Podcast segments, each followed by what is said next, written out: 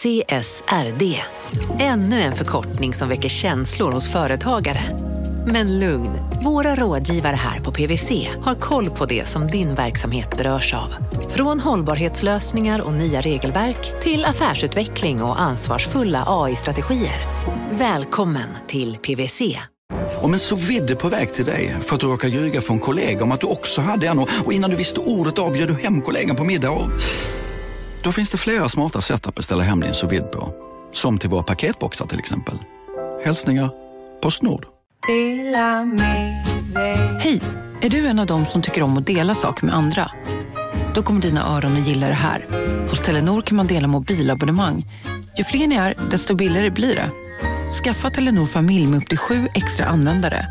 Välkommen till någon av Telenors butiker eller telenor.se.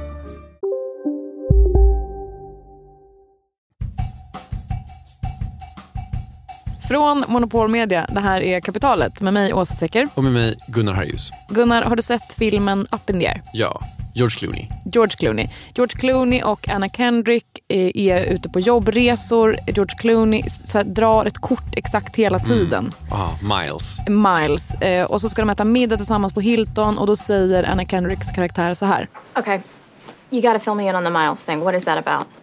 Are you talking about frequent flyer miles? Och han svarar. You really want to know? I'm dying to know. Och då säger han.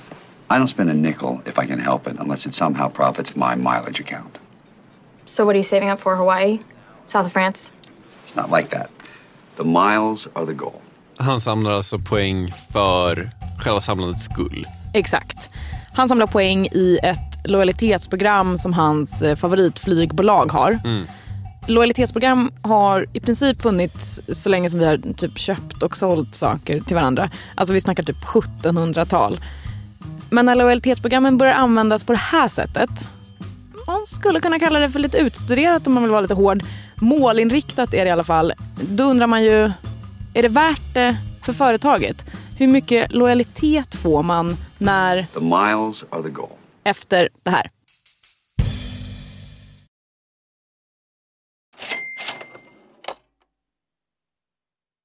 Vi sponsras av Storbrand Asset Management som ju förvaltar över 1000 miljarder norska kronor, bland annat för SPPs eh, många pensionssparare. För två år sedan så investerade Storbrand i drygt 60 tåg, alltså tågvagnar, eh, som rullar mellan London och Skottland.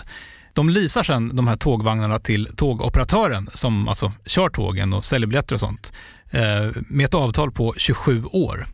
Så britterna får nya fina tåg och storbrandskunder, eh, däribland alltså SPPs pensionssparare, får en inflationsskyddad avkastning med låga risker under lång tid. Det här är ett av supermånga exempel på hur pensionskapitalet i växande omfattning bidrar till att bygga samhället och inte minst till att klara klimatmålen.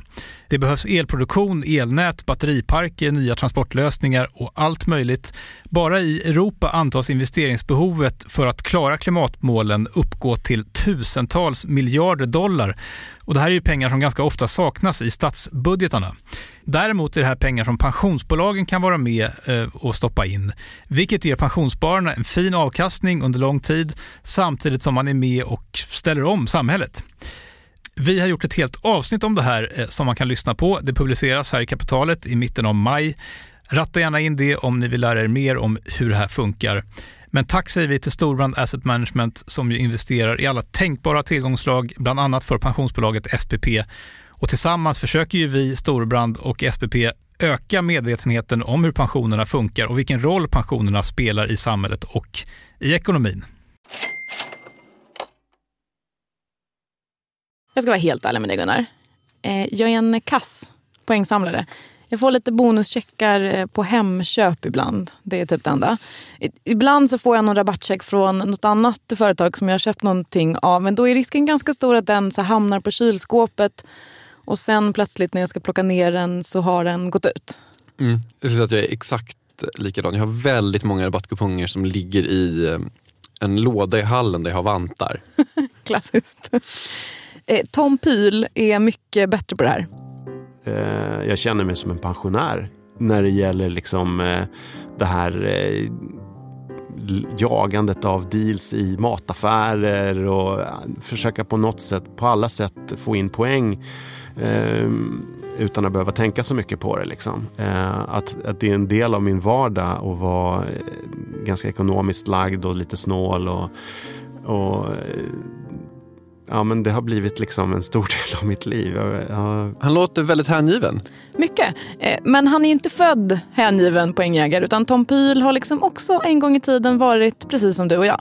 hade ett eurobonuskonto och ja, men där kommer det in lite poäng men det, det är ingenting som jag tänker på. Eh, och sen så helt plötsligt så bara, ja, men man kanske ska eh, göra någonting vettigt av de här poängen och inte lägga det på, på en upplevelsepresent till sin sambo som eh, är typ sämsta värdet. Eh, som man kan använda poängen till. Ja, upplevelsepresenter är, vi har pratat om det någon gång tidigare i Kapital, bara en bisats, men att det verkligen är en fruktansvärd gåva. Det är en fruktansvärd gåva som kommer för att dö i någon byrålåda i hallen. Ja, Okej, så vad hände? Jag vann en, en resa Eh, i business class med British Airways till Miami via en resetävling på, på nätet. Eh, och eh, fick då prova på att flyga business eh, på eh, långdistans och tyckte det var helt magiskt jämfört med att flyga ekonomi såklart. Eller som jag brukar säga, once you go business you never go back. Men hur ska jag någonsin kunna göra det här igen? Det kom, jag kan ju inte vinna sådana här resor varje år. Liksom. Och då hade jag ändå vunnit massa resor fast i economy eh, inom Europa och till New York och sådär. Men eh, så det här var första i business. Och så måste jag komma på hur jag gör det. Och så hade jag en kompis som tipsade mig om ett reseforum på nätet som heter businessclass.se. Där jag gick in och började lusläsa alla trådar och bara sätta mig in i hela poängsamlarvärlden. Gunnar, låt oss kliva in i poängsamlarvärlden för en liten stund. Det är en rätt speciell värld skulle jag säga. Det är ju också på något sätt det här man älskar med internet. För på internet så finns det något för alla. Alla har sitt lilla hörn. Ja. I poängsamlarhörnet av internet som man då bland annat kan hitta på den här sajten businessclass.se som Tom pratar om eh, så finns det diskussionstrådar med rubriker som San Francisco, vilken lounge ska jag besöka? Eh, svaret är tydligen tveklöst Polaris för den, den har eh, bordservering, bättre bar och bättre utsikt. Wow. Ja, Fan, vi bidrar med mycket konsumentkunskap idag. ja, nu vet vi det. Andra spännande trådar. Eh, den stora Eurobonus Diamond-tråden. Eller vad säger du om eh, Plusgrade? Rapportera dina bud. Det här känns verkligen som ett forum som, som här, har en extremt tydlig målgrupp och liksom i, alltså, ingen utanför den här målgruppen bryr sig överhuvudtaget om vad som pågår där inne. Men jag kan verkligen tänka mig att man kan bli hooked. Absolut. Eh, Jag skulle nog eh, verkligen kunna bli det om jag eh, bestämde mig för det. Enligt den här sajten själva så är en genomsnittlig läsare av business class en man mellan 35 och 55 år som flyger i snitt 35 gånger om året. De säger att de har 100 000 unika läsare i månaden. Så ganska poppis ändå. Aha. Men okej, så Tom lär sig då allting om allt i olika trådar på ett sånt här nördigt internetforum. Vad gör han sen? ganska snabbt så tar man till sig och börjar liksom nyttja det här på ett sätt som gör att poängen kommer in snabbare och jag kan boka de här bonusresorna i business eller första klass själv för, för inga pengar alls eh, nästan. Okej, och vad är liksom inga pengar alls med Tom Pyl-mått mätt? Ja, men så här, eh, om du kan slänga in säg mellan 100 och 160 000 poäng lite beroende på flygbolag, destination eh, och så vidare. Men då kan du ändå ta dig till typ Asien eller USA, alltså någon slags långdistansdestination i business class eh, eh, och bara behöva betala då mellan kanske eh, 3 och 6 000 kronor i skatter och avgifter. Det här är alltså biljetter som annars skulle kosta någonstans mellan 15 och 40 000 per person. Jag fattar. Okej, så det är liksom inte objektivt inga pengar alls, men, men absolut en bra deal. Ja men precis. Men säg att du har alla de där poängen. Då gäller det också att du hittar de här bonusresorna. För det är tydligen inte helt enkelt. Tillgången till, till bonusplatser är, skiljer sig väldigt mycket från bolag till bolag och eh, destination och eh, reseperiod. Till exempel jul och nyår, eh, påsk och så vidare och sommar är otroligt svåra tider att hitta därför att då säljer bolagen ändå platser för det är då folk kan åka. Så att vill man hitta ja, men fler, mer än en plats i business eller första klass, då måste man vara bra på att leta oftast. Och veta hur man ska göra för att det är inte så enkelt som att bara gå in på, på flygbolagens hemsidor och, och söka. I vissa fall kan det vara det, men det är många det finns många andra knep som gör det enklare. Det finns eh, sökmotorer som bara jobbar för att hitta bonusplatser och så vidare. Mm. Det verkar lite jobbigt tycker jag, men det kanske bara jag.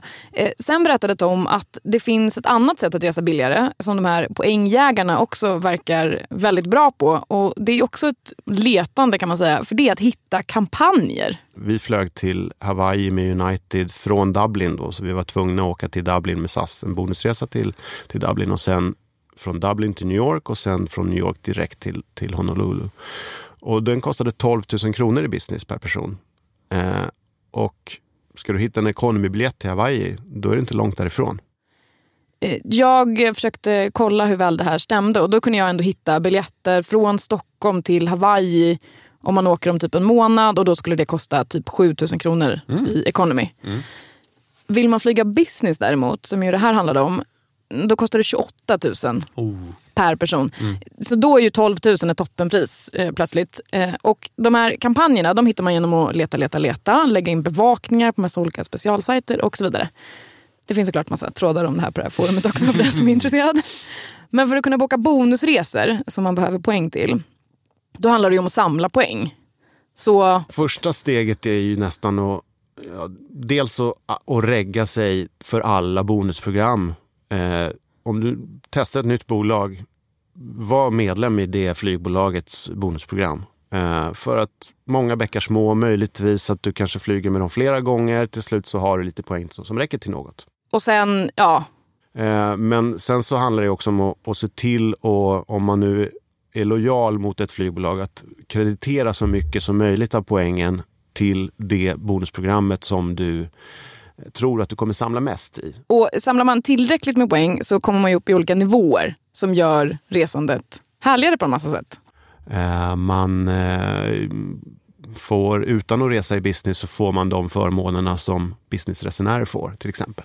Typ tillgång till lounge och sånt? Tillgång eller? till lounge, tillgång till fast track, eh, tillgång till business check-in. Allt sånt som innefattar mindre köande på flygplatserna. He just waltzes in and cuts in line. We reserve priority assistance for our Hilton Honors members. Promotions are great. You should check it out. Man får ju såklart poäng alltså när man flyger med lojalitetsprogrammets flygbolag. Men det är liksom så minimum minimum. Det kommer ju aldrig leda till något om du inte flyger sketa mycket. Nästa steg är ju ett kreditkort som är kopplat till ett bonusprogram.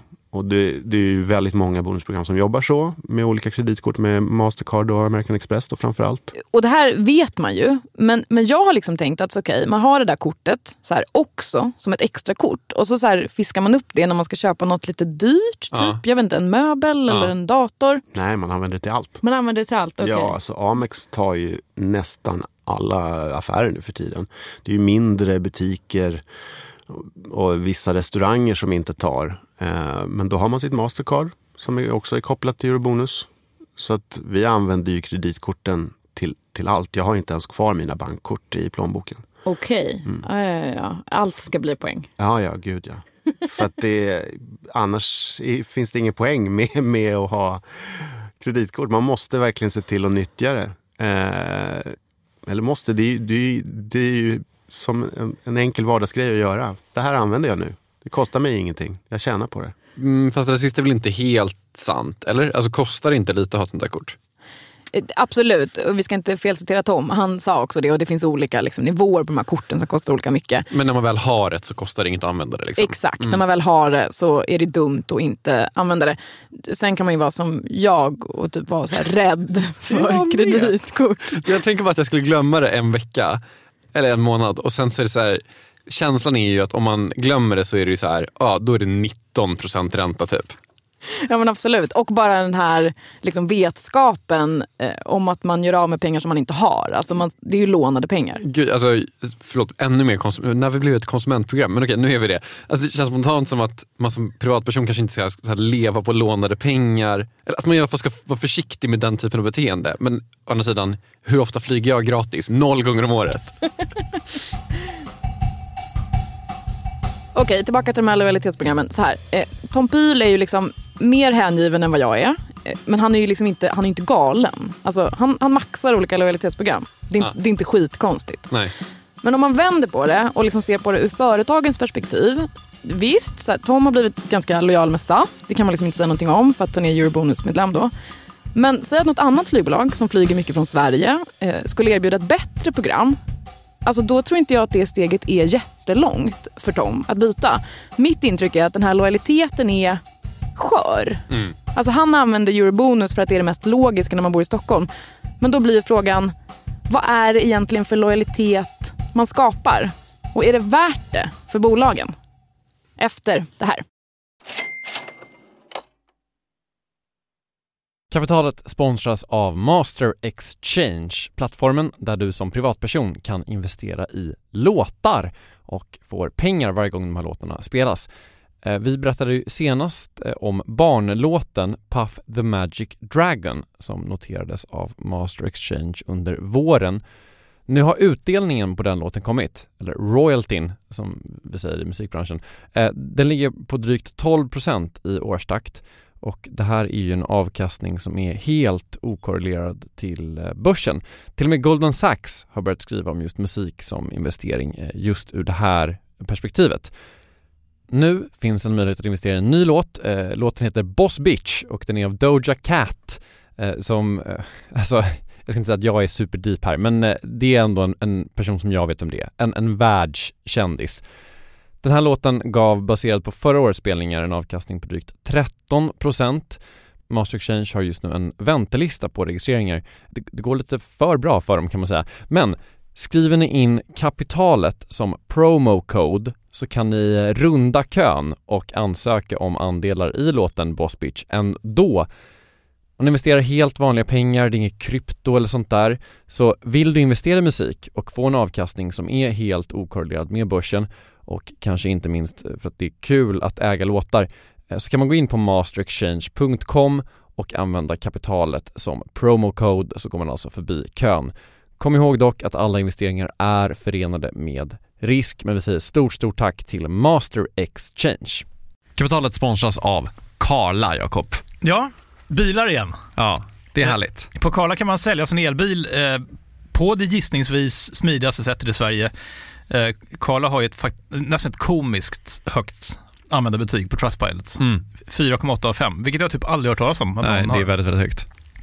Eh, Man knappar in lite info om bilen på sidan, sen får man en gratis värdering och ett bud. Accepterar du budet kommer Karla och hämtar upp bilen gratis och sätter in pengarna innan de kör iväg. Inget mer än så. Rätt fantastiskt. Nej, det är faktiskt Ja. helt otroligt. Och eh, det kan bli ännu mer eh, otroligt än så. eh, För att vi har nämligen en rabattkod som ger dig 2000 kronor extra för bilen. Så om du säljer din bil så får du två lax extra. Stämmer. Bara sådär. Eh, koden är Monopol. Och eh, den uppger du när du har värderat bilen och eh, pratat med Karlas inköpare. Koden är giltig till sista maj, så att eh, passa på om du går i säljartankar. Jag undrar om vi haft en kod som har gett två lax bara sådär någon gång. Det är Nej, helt otroligt. man behöver en bil förvisso. Absolut, så det är inte, kanske inte bara sådär, men det är ändå 2000 kronor extra. Väldigt bra. Ja. Så sälj din elbil eller laddhybrid till Karla. Du får 2000 kronor extra med rabattkoden Monopol. Eh, hoppa in och kolla på karla.se, Karla med C. Där kan man också köpa bilar ska jag tillägga. Verkligen. Vi säger stort tack till Karla. Det finns två typer av lojalitet. Den ena lojaliteten handlar om köp och den andra lojaliteten handlar ju om äkta lojalitet. Ehm, att du faktiskt tycker om ett företag eh, och att du känner att jag, vill handla eh, alla mina telefoner eh, hos Telia för att jag älskar Telia. Säger vem? Jag heter Kristel Hedin eh, och jag jobbar som kommunikationsstrateg. Och det betyder, det betyder att jag kan en del om hur man pratar. Eh, kanske inte så mycket hur man pratar när man ser varandra, utan hur man pratar till utvalda målgrupper. eh, Kristel Hedin har jobbat med kommunikation och marknadsföring sedan 90-talet. Det var såklart inte någon uttänkt plan, för det är det ju typ aldrig, utan det är alltid lite så bananskal. Eh, Hon hade pluggat i Lund. Och sen var jag färdig i mitten på 90-talet eh, och då var det lågkonjunktur. Eh, och jag tänkte, men jag är ju bra på att räkna så jag söker controllertjänster. Eh, så det gjorde jag och så fick jag en controllertjänst på, på ASEA Brown Bovero, alltså ABB. Men då var jag tvungen att flytta till Västerås och det ville jag inte.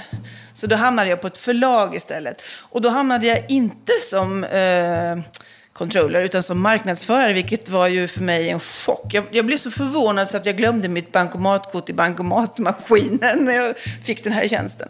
Men det var helt rätt, jag hade blivit världens sämsta controller eftersom jag tröttnar på saker och ting. Så jag hade ju gjort uh, uppföljningar olika varje gång. Tillbaka till de här lojaliteterna. Så länge man har sålt varor har man ju på något sätt försökt få människor att fortsätta handla av en. Och när jag har, har researchat lite så, så, verkar det som så att man redan på, på 1700-talet hade kopparmynt eller kopparplaketter eh, som man då kunde byta ut mot varor på vissa ställen. Och det här rullade fram till 1800-talet, så vitt jag kan se. Det, det är lite olika. En del säger att det började på 1800-talet, någonstans har jag hittat att det var ännu äldre. Eh, men fram till tidigt 19 1900-tal där man då tyckte det var för dyrt att göra kopparplaketter. Eh, så man då kunde, du, jag menar, du köpte en pryl och fick en kopparplakett och så när du hade tio kopparplaketter så kunde du få en pryl gratis. Klassiskt. Då började man göra eh, frimärken istället. Oh, som eh, Pocket Shop eller Espresso House? Exakt. Det är samma princip. I det här fallet så klistrade man då sina frimärken på någonting och sen så kunde man casha in när man hade tillräckligt många. Och det man gör med den här typen av lojalitetsprogram Alltså, jag får anta att det inte hette lojalitetsprogram på 1700-talet. I don't know. Jag var inte med. Eh, men det är just, alltså, man ber kunderna samla poäng så att de ska kunna få en belöning. Med ett sånt här klassiskt poänglojalitetetssystem så driver du köp och det gör du på ett fantastiskt sätt. Eh, har jag eh, tre stämplar kvar i mitt Pocket Shop eh, kuponghäfte så kommer jag gå och köpa mina böcker där. Absolut så. Och har jag möjlighet att få poäng som jag kan använda till flygresor så kommer jag flyga mer med det flygbolaget. Och är du först eller ensam med ett sånt typ, en sån typ av lojalitetssystem så driver det ju extremt mycket försäljning. Eh, och du får tillbaka dina kunder. Jag känner att det ligger ett men i luften här. Men? Ja, men vad då? Om din konkurrent startar ett precis likadant system, men ger kunderna lite, ger poängen lite lättare. Då kommer eh, kunderna inte vara lojala till dig, så de kommer direkt gå över till konkurrenten. För att man vill ju ha tag, man vill, man vill ju tjäna pengar, man vill ju få billigare resor eller fler böcker. Och, och då är det ju rabatterna som driver försäljningen. Eh, och börjar du kriga med en sån typ av lojalitetssystem där eh, kunder som köper får mer och mer rabatter, då sänker du dina marginaler. Och vinner du det kriget så finns det ju en risk att du tappar alla marginaler du har och går i konkurs. Men alltså så här, risken att man konkar kan ju inte vara så stor, eller? Alltså man räknar väl lite grann innan man lanserar ett sånt här program. Tänker jag. Alltså det är väl så här, typ, ungefär de här rabatterna skulle vi ha råd med om så här många personer handlar ungefär och sen så tar man i lite i överkant tänker jag. Eller, eller sätter man, alltså jag tänker att man sätter liksom inte rabatter på känsla eller? Du kan ju ha ett optimalt program där du har kalkylerat det här har jag råd med. Jag har råd med att förlora så här mycket. Eh, men vad som händer sen då är ju att din konkurrent gör något annat som du måste svara på. Och då börjar du driva marginalerna, minska dina marginaler. Det är ju en risk. Jag tycker ändå att man köper att det finns vissa risker, liksom att, det, att det spårar ur när man väl liksom är i konkurrens med andra bolag. Ja, jo absolut. Jag kan tänka mig att man skulle kunna så här, gå överstyr för att överleva. Man har så för, det kan bli lite lose-lose. Men nu pratar vi liksom om den typen av lojalitet som leder till att man köper mer grejer. Alltså så, vad ska man säga, så här, köpdrivande, de som driver köp. Men det fanns ju två typer. Den andra lojaliteten, den här äkta lojaliteten, som rimligtvis då är värd mer, tänker jag. Eh, den måste vara mycket svårare att styra, tänker jag. Eller det säger sig självt kanske. Men den blir också mycket svårare att mäta. Ja, det är svårare. Men man kan prata om share of wallet och share of heart. Där man då kan titta på eh, hur mycket matvaror konsumerar jag överhuvudtaget. Eh, och då ser man då att de, hur, hur, stor del av den där matvaran, det behöver inte vara matvaror, vilka varor som helst. Hur stor del av mitt inköp inom den här genren lägger jag hos dig då? Det är ju min del av min plånbok. Och sen måste man fråga. Eh, den andra är ju mjuk variabel. Hur stor, om jag får, får eh, om jag får rekommendera en affär till någon eller om jag ska välja eh, fritt eller vad, vad, vilket företag tycker jag har bäst värderingar, så mäter man då den här share of heart. Det vanligaste sättet är att ställa frågan, om du skulle rekommendera det här för någon, vad skulle du säga då? Eller skulle du rekommendera det här för någon? Men orkar folk svara på fler frågor? Eller det är marknadsundersökningar hela tiden. Ja, eh, ja och nej. Eh, I det stora hela, nej, folk orkar inte svara på fler frågor. Men om du väljer ut och inte ställer frågor till alla, utan faktiskt pratar med, med utvalda kunder då och då, så tror jag att de orkar. Alltså jag svarar ändå rätt ofta på de undersökningarna, jag ska vara ärlig. Varför det? Men jag, jag vill vara snäll. Typ. Jag, ja. Mot, mot, vadå, mot Adlibris? Du vill vara snäll? Eh, förutom då när de är väldigt dåligt utformade, för ingenting triggar mig mer. Så då så här, när jag inser det halvvägs in, då avbryter jag. Det här är en dålig kundundersökning? Ja, typ dåligt formulerad fråga, typ det mest självklara alternativet saknas. Då blir jag tokig. Ja, ja. då är du out. Ja, då har de förlorat ditt trust. Ja, ja, så är det. Eh, så det felet ska man inte göra. Eh, så det felet ska man inte göra med att svara på sina frågor. Det är ju lite av ett minfält här skulle jag säga, liksom, mm. ur företagens perspektiv. För det finns ju såklart ännu fler saker som man kan göra fel. Förutom då att utforma frågorna fel. Vadå? Eh, ja, man kan till exempel göra som American Airlines gjorde på 80-talet och totalt underskatta precis hur hängivna, väldigt hängivna resenärer kan vara. Berätta mer tack. Okej, eh, vi går tillbaka till George Clooney i Up in the air lite snabbt. The miles are the goal. Efter att Anna Kendrick har tjatat lite till så kläcker han ju ur sig vad det faktiska målet är. Spoiler alert. It's 10 million miles. Okay. Vilket såklart inte säger någonting för att amerikaner kan inte mäta någonting på ett vettigt sätt. Men jag antar att det är ganska mycket. Ja, alltså bara för att man ska fatta ungefär hur mycket det är. En enkelresa inrikes i USA, eh, då får du hosta kanske 14 000 miles. Så 10 miljoner miles, ja men det är ganska mycket. Men för Steven Rothstein eh, så är det piss och ingenting. Live life in the fast lane with Steve Rothstein. We're here for how many hours, Steve, total? Almost 24 hours. 24 hours, excellent. So we flew eight hours one way and eight hours back, but this is worth it. This is your life, this fast pace. Steven Rothstein har nämligen 40 eh, miljoner frequent flyer miles. Oj. Tio gånger fler än Clooney alltså. Hur har lyckats med det? Eh, förklaringsmusik, eh, tack. 1981 så gick det skitdåligt för American Airlines. Det råkade också vara så. Jag vet, det här kan vara svårt att föreställa sig nu när vi liksom har levt i en tid med sanslöst låga räntor i en halv evighet. 1981 var det pissdyrt att låna pengar. En magisk värld med räntor över minus. Exakt. Eh, det betydde ju då att eh, det var liksom inget alternativ för American Airlines att låna pengar för att ta sig ur sin lilla knipa. Så vad gör de? Jag vet inte, vad gör de? ja, men de tänker, vad har vi? Jo, vi har ändå en del kunder. Mm. De kanske kan vara med och pitcha in. Genom då ett lojalitetsprogram? Exakt, men inte vilket som helst. Det här var ett unlimited första klasskort. Alltså ett klubbkort som gör att du fick flyga gratis i första klass för resten av livet. Okej, okay. det fick man ju inte gratis antar jag. Nej, eh, man fick kosta 250 000 dollar. Vilket jag hoppas har internet har gett rätt svar på här nu. Motsvarar 740 000 dollar idag. Vilket ju då som sagt då inte är gratis som de sa. Men var det värt det? Ja, alltså det var ju det det var. Eh, man ska säga det också att man kan också köpa ett, så här, man kunde köpa ett tilläggskort för 150 000 dollar så att man då varje gång man reser får ta med sig någon. Det var 28 personer som eh, hostade de här pengarna så att American Airlines fick ju 7 miljoner dollar i intäkter. Eh, och sen kan man väl tänka sig att ja, men kanske hälften av de här 28 personerna köper också tilläggskort. Så det är 2,1 miljoner dollar till. Så American Airlines får in 9,1 miljoner dollar på det här. Gissa vad det kostade? Ja, eftersom du ställer den frågan med den här betoningen så gissar jag lite mer än 9,1 miljoner dollar. Alltså det är väl pissdyrt att flyga första klass och även om det inte kostar American Airlines den summan att erbjuda första klass till de här personerna så liksom man, skulle, man, kan verkligen se hur de här skulle kunna spåra ur. Att de här 28 personerna flyger i första klass kors och tvärs hela tiden för att de kan. Liksom. Eh, så här, Steve Rothstein var ju en av de som köpte det här kortet då, och det här tillägget så att han fick ta med sig någon. Och när American Airlines eh, kollade vad hans resor hade kostat dem, eh, då landade det på en miljon dollar om året i skatter, avgifter och förlorade biljettintäkter.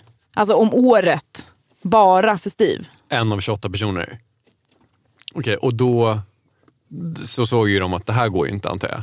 Nej, det här går ju inte. Eh, och då bestämmer sig de för att de måste försöka bevisa att Steve Rothstein och en kille till med ett sånt här kort som också använder det riktigt flitigt. De skulle försöka bevisa att de här personerna har brutit mot någon av reglerna i kontraktet för kortet. Eh, Efter ett tag så tyckte de att de hade hittat något som Steve hade gjort. Så då stoppar de honom så här på en flygplats i Chicago när han är på väg och boardar ett plan. Så bara tar de ifrån honom det här kortet. Det är väldigt dramatiskt tydligen. Oj. Då har han haft det här kortet i 20 år och hunnit göra 10 000 resor. Sen ledde det här till massa utdragna rättsprocesser för Steve tyckte inte att han hade gjort något fel och mitt under de här processerna så konkar dessutom bolaget som äger American Airlines. Ja men du hör ju, det här Ja. är liksom ett helt eget avsnitt. Verkligen. Men jag tänker så här, det här är ett extremt exempel. Det här kortet finns inte att köpa längre, såklart. Det som American Airlines gjorde fel var ju att så här, totalt underskatta hur de här personerna som köpte det här kortet faktiskt skulle använda det. Och den risken, tänker jag, den finns ju även med vanliga lojalitetsprogram. Alltså att företag missbedömer folk. Som Christer Ledin sa om American Airlines. Man hade nog tänkt att det mänskliga beteendet skulle bestå. Men det gör ju inte alltid det. Alltså grabbarna på forumet Business Class, de är inte riktigt som vanliga resenärer. Och de är ganska stolta över att inte vara vanliga resenärer också va? De är Exakt. ju extra allt. De är extra allt. Och då undrar man ju, vad skulle hända om alla gjorde som business class-männen? Alltså samlade poäng på så alla tänkbara sätt, bara bokade bonusresor, kampanjer. Alltså vad skulle det betyda för till exempel SAS, undrar man ju. Om alla använder programmet som SAS faktiskt uppmuntrar till att använda. Om alla använder det max, vad skulle hända? Exakt. En relevant fråga. Det tyckte jag också. Så att jag ringde till SAS och frågade. Mitt namn är Freja Anamat och jag jobbar som presschef i SAS. Eh, SAS presschef Freja Anna-Mats eh, började med att säga att eh, Alltså den här målgruppen som, som reser mycket med oss är ju otroligt viktig för oss. eh, för att sen fortsätta med att säga De här så att säga, som du pratar om, poängjägare, kanske en, det är en väldigt liksom, liten nischad grupp. och sen la hon till Vi är väldigt glada för att de här finns, men, men det är klart att liksom ett så här stort lojalitetsprogram bygger ju på att eh, olika kunder har lite olika behov och, och liksom använder det på olika sätt. Och där någonstans så kände jag att hon kanske inte riktigt svarade på frågan. Så att då, då ställde jag den igen, som man gör. Man skulle ju kunna tänka sig att om alla 6 miljoner eurobonuskunder använde eh, systemet så liksom, eh, notoriskt så, så skulle det bli, få ekonomiska konsekvenser för SAS. Att det skulle bli för dyrt. Ja, jag tänker bara att för, för att alla då så att säga, alla 6 miljoner ska nå då kanske också de här nivåerna på guld eller diamantmedlemskap. Så det, det innebär väldigt mycket eh, fler resor för vår del. Så jag, jag tror att vi, vi eh, ja, det, det, det är klart att det liksom, då skulle man behöva säkert skapa en annan typ av system. Men liksom i grunden så, så är inte det ett problem. Och jag säger bara att det, det, det är som sagt de här som reser allra mest bidrar ju liksom väldigt mycket till, till att eh, ja, använda, utnyttja våra tjänster och köpa resor. Så att, nej, det, det är inte ett problem. Flianna Anna Mats kanske har rätt här. Alltså risken att alla plötsligt skulle börja använda eurobonus mycket mer notoriskt, alltså den kanske är i princip obefintlig. Så då kanske man inte ens behöver prata om vad som skulle hända om det ändå mot förmodan blev så. Christer Ledin däremot är väldigt säker på vad som skulle hända. Det skulle ju gå till fanders. Det skulle ju inte gå. Eh, utan man måste ju någonstans... Och, och, och det är väl också så här att när man startade med lojalitetssystem, om det nu var 1700 eller 1800-talet, då fick man det beteende man ville. Men nu börjar vi ju outsmarta lösningarna. Vi har ju lärt oss hur det, vad som kommer hända. Vi vet ju om jag handlar det här nu så kommer jag snart få rabatt på det. Eller om jag gör si så kommer det så hända. Och det är då man kan börja försöka överlista systemet. Och om det är som Christer Ledin säger, att vi så börjar överlista de här programmen. Alltså det blir nästa rimliga fråga. Måste man ha ett lojalitetsprogram överhuvudtaget? För idag kan det kännas som att så här, exakt alla bolag som säljer något har ett. Det går inte att gå in på apoteket utan att bli erbjuden att gå med i ett så här, kundklubbsprogram. Nej. Ehm, jag to- tror att har man väl börjat så sitter man ju... Då kan man inte hoppa av. Det kan man inte helt plötsligt säga. Du ser vad som händer med både ICA och Coop när de försöker förändra. Det blir ju liksom ramaskri i hela Sverige kommer på Aktuellt. Eh, den resan är svår, men jag tror inte att du måste. Men du måste bygga... Du måste kommunicera kring några, för någon form av värde. Det måste ju finnas någon anledning för mig att handla hos dig, oavsett vad det är. Eh, Men det kan lika väl vara något annat som rabatter. Så om man är ett företag som ändå vill kränga grejer, alltså hur ska man tänka? Vi kan väl säga så här, jag vet inte hur du känner. Men som konsument så kan jag ändå känna, Jag är öppen för nya kreativa lösningar. Ja, alltså det finns ju ett utrymme känns det som att tänka nytt där. Alltså jag tackar ju nej till typ alla kundklubbar för det känns som alla funkar exakt likadant och man bara känner så här men jag har inte plats i min plånbok. Jag vill typ inte att ni ska ha min mail tack. Kan vi bara så här, uh, gör något annat? Eh, du och Christer Ledin känner exakt likadant. Eh, tidigare såg man skillnad på Interflora och Stadium. Det var inte samma sak. Idag säger de ju samma sak till oss. Du är en bra kund, det ska du dra nytta av. Här har du en bonuscheck. Jag har en spaning. Jag tror att man, jag, tr jag tror jättemycket på automatiserade flöden. Eh, och att man måste bygga processer och att man måste ha datastöd till att göra saker och ting. Och framförallt att man måste bygga det på analys. Men man har ju helt tappat bort kreativiteten. Den är ju död. Första företaget som på något vis bygger ett eh, eh, automatiserat kommunikationsflöde eller kundresor som man då brukar säga idag. Med någon form av kreativitet i. De kommer ju bara gå segrande genom riket. Eh, så grattis till det företag som kommer på något smart och får gå segrande genom riket. Mm. Drömmen då. Och med det så är kapitalet slut. Jag heter Åsa Secker. Du heter Gunnar Harrius. Vår chef heter Jakob Bursell. Vår ljudtekniker heter Kristoffer Krook. Han har också gjort musiken som ni hör just precis nu. På Instagram så heter vi Kapitalet. Glöm inte att ni kan vinna en jättefin Kapitalet-tröja. Alltså vi snackar inte om en trött t-shirt här nu utan en jättefin tjocktröja. Om ni tipsar om oss på något kreativt sätt och så fotar du det och skickar det till... Vart skickar man det Gunnar? Gunnar at kapitalet.se. Gör det. Hej då! Hej då! You're the youngest yet to hit 10 mil. We really appreciate your loyalty.